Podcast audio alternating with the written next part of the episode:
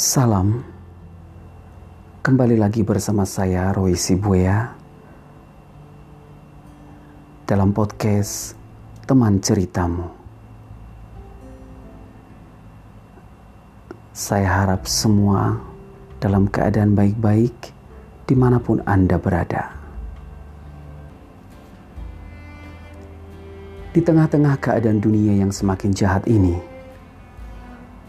Roh Kudus masih bekerja di hati orang-orang Kristen yang masih memiliki nurani yang baik. Mereka berpikir bahwa kekristenan pasti tidak sederhana seperti yang dipahami oleh kebanyakan orang Kristen pada umumnya. Orang-orang Kristen yang masih bernurani baik akan mulai berusaha mencari kebenaran untuk menemukan kekristenan yang sejati yang dapat memuaskan kehausan jiwa mereka. Tuhan akan menjawab kehausan jiwa mereka. Tuhan pasti akan menyatakan kebenaran kepada mereka. Di akhir zaman ini, Tuhan pasti membangkitkan hamba-hamba Tuhan yang diberi pencerahan untuk mengajarkan Injil yang sejati.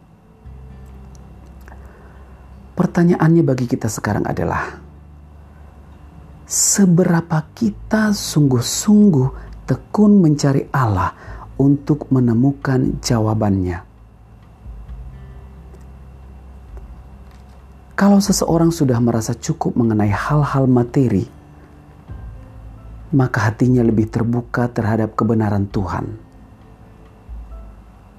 Ruangan yang disediakan bagi kebenaran Tuhan dalam jiwanya lebih luas, dan memang seharusnya orang percaya tidak memberi ruangan sekecil apa pun terhadap percintaan dunia.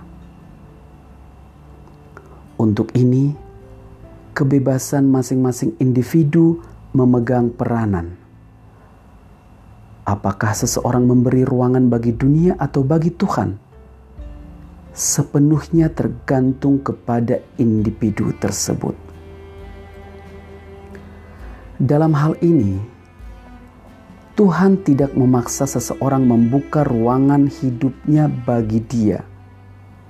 Sebaliknya, kuasa gelap juga tidak bisa memaksa seseorang membuka ruangan hidupnya bagi dia Hal ini merupakan tatanan yang bisa menempatkan setiap individu pada pengadilan Tuhan nantinya. Jadi, kesediaan meninggalkan dunia adalah persiapan terbaik atau satu-satunya untuk menghadap pengadilan Tuhan nanti. Meninggalkan dunia adalah proses yang sangat berat sebab kita telah terbiasa hidup dalam keterikatan dengan hal-hal yang bersifat duniawi.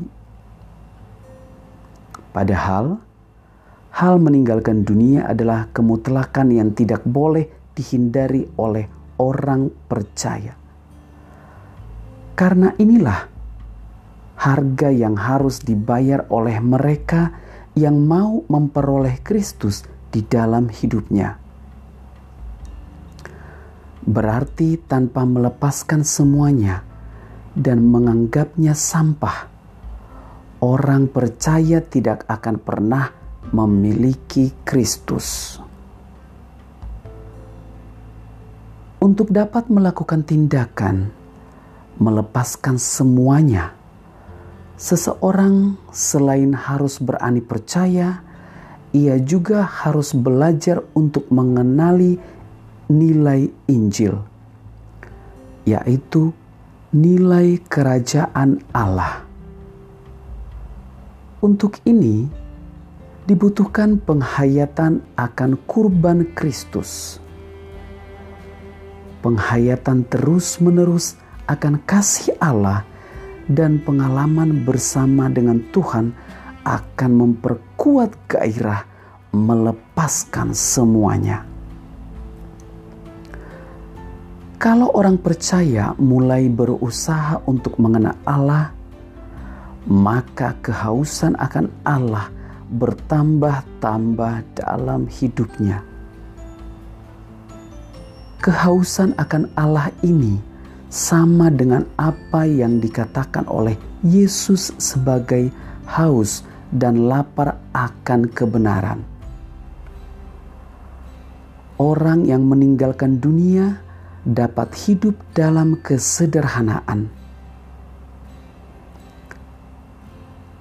Ciri yang paling nyata dari orang yang memiliki sikap sederhana adalah tidak memiliki keinginan kecuali Tuhan dan kerajaannya.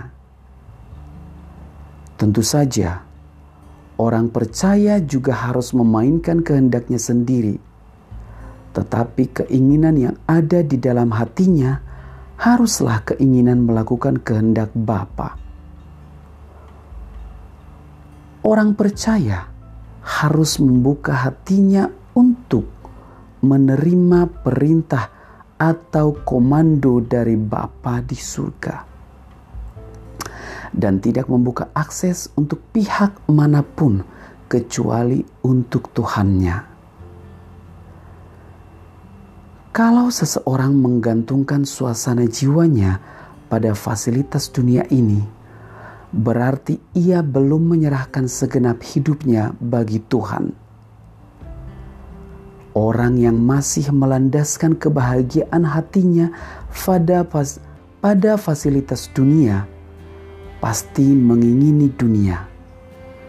Dan orang yang mengingini dunia berarti menyembah iblis. Sebagai umat pilihan, orang percaya dituntut untuk tidak mengingini dunia sama sekali dan harus meninggalkannya. Untuk bisa meninggalkan Tuhan dengan segala kesenangannya, ini membutuhkan waktu. Jika tidak segera dilakukan, seseorang tidak akan sanggup meninggalkannya. Maka, Hal itu harus kita mulai sejak sekarang. Teriring salam dan doa. Erastus Sabdono. Tuhan Yesus memberkati.